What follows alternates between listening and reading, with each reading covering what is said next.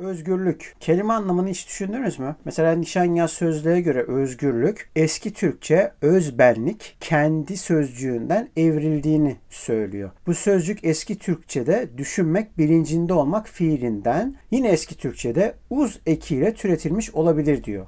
Ancak bu kesin değildir diye de belirtilmiş. Peki Nişanyan sözlüğü zaten neden sürekli kullandığımızı bizi takip edenler bilirler. Bir dil bilimci Sevan Nişanyan. Görüşlerine katılmıyoruz ancak dil bilimi anlamında yetkin bir kişi olduğu için onu bir kaynakçı olarak kullanabiliriz. Şimdi bunun yanında Türk Dil Kurumu'nun sözlüğüne de baktığımızda özgürlük şu anlamlara geliyor iki anlamı var. Herhangi bir kısıtlamaya, zorlamaya bağlı olmaksızın düşünme veya davranma, herhangi bir şarta bağlı olmama durumu serbesti denilmekle beraber ikinci anlam olarak her türlü dış etkiden bağımsız olarak insanın kendi iradesine, kendi düşüncesine dayanarak karar vermesi durumu hürriyet deniliyor. Peki bu anlamlara baktığımız zaman hangimizin özgür olduğuna dair bir durup düşündüğümüzde hiçbir insanın aslında özgür olmadığını söyleyebiliriz rahatlıkla. Bunu neden söylüyorum? Aslında sadece devlet anlamında da değil, kanunlar, yasalar anlamında da değil. Örneğin özgürlükler kanunlar ve yasalarla belirlenmiştir diye dışarıda herhangi birisine sorduğumuz zaman hiç kimse ya da söylediğimiz zaman hiç kimse dışarıda bu durumu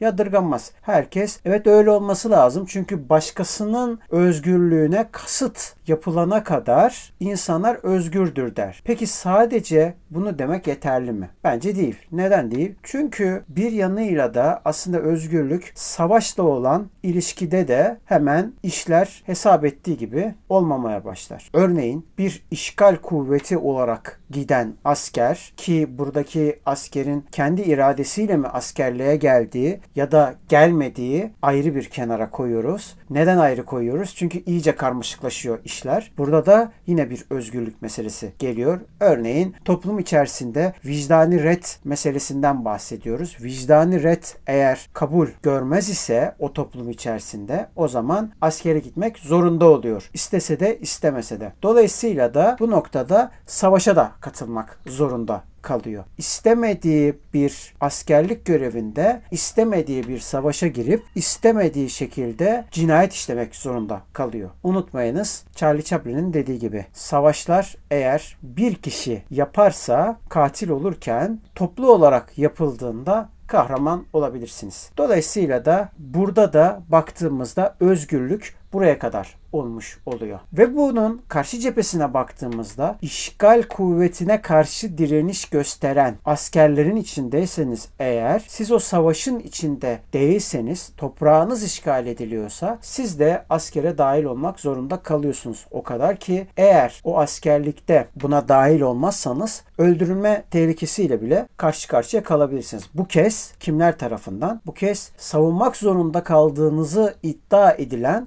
devletler tarafından. Dolayısıyla da burada da özgürlük bir çıkmaza giriyor. Bununla birlikte mesele sadece ölmek öldürmek üzerine mi? Hayır değil. Peki başka nerede özgürlük giriyor? Bu kez de karşımıza farklı düşünceleri kabul etmeme durumunda geliyor. Siz karşı tarafı eleştirdiğiniz zaman hemen karşı taraf benim haklarıma saldırıyor. Benim düşüncelerime karşı geliyor noktasında özgürlükle alakalı ciddi ithamlarda bulunmaya başlıyor. Bu ithamlar özgürlüğün aslında ne kadar da göreceli ve ikircikli olduğunu gösteriyor. E peki o zaman bu karşı tarafın sizin haklarınıza, sizin hürriyetinize, tırnak içerisinde sizin tasvip etmediğiniz şeylere saldırması özgürlük mü oluyor? Hayır. Tam tersi de değil. O zaman özgürlük ne oluyor? Tekrar ediyorum. Özgürlük o zaman ikircikli bir durum haline gelmiş oluyor. Hal böyleyken bizim özgürlük kavramımızda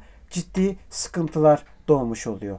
Peki özgürlük denilince insanın aklına neden bakın sadece insan geliyor.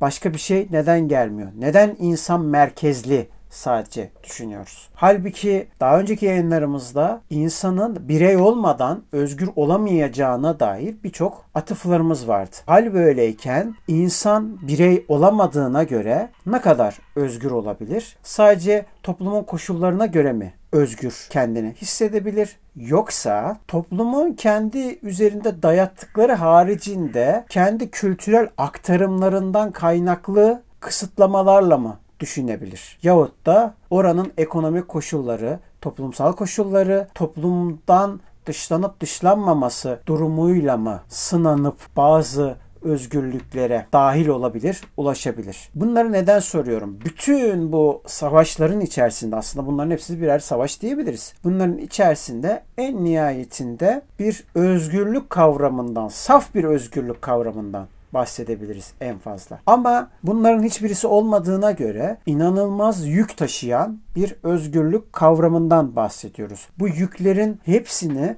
üzerinden atmasına kadar mümkün olabilir. Aslında bu koşullar altında pek de mümkün olamaz. Çünkü öbür durumda bir tırnak içerisinde anarşi ve kaos doğabilir. Bunu söyleyenler de haklı da olabilir. Ama öte yandan da her zamanki gibi bir paradoksa düşüyoruz. Neden? Çünkü kelimelerin anlamlarına baktığımız zaman özgürlük aslında bireyin kendisinin kendi kendine sorgulamasını bağımsızca olabildiğince yapabilmesi olarak en fazla sınırlayabiliriz. Onun haricinde yapmış olduğumuz tanımlamaların hemen hemen hepsinde sıkıntılar doğacağını rahatlıkla söyleyebiliriz. Çünkü az önceki söylediğim yükleri üzerinden atamayan özgürlük kavramı sadece propagandaların yükü altında daha da ezilirken kendini özgür zanneder. Böylelikle de karşı tarafı da kendi gibi özgür zannetmesi için baskı altına almaya çalışır. Bunun bir yansıması da demokrasilerde olur. Örneğin aşırı propaganda ya tabi tutulan bir vatandaş sadece o oluşumun, o iktidarın, o hükümetin, o devletin, o milletin ya da